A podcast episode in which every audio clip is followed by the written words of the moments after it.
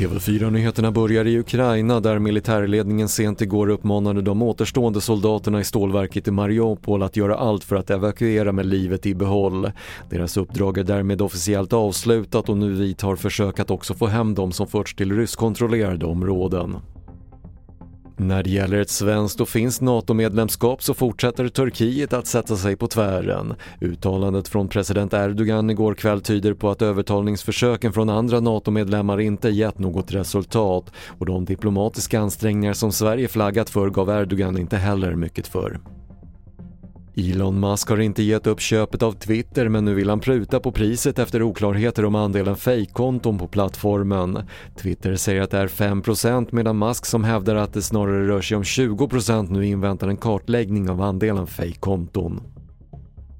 Och gitarren som påstås ha splittrat Oasis ska auktioneras ut idag. Inför en konsert 2009 när bröderna Gallagher grälade slog Liam sönder en av Noels gitarrer, en röd Gibson som nu är reparerad och ska gå under klubban i Paris.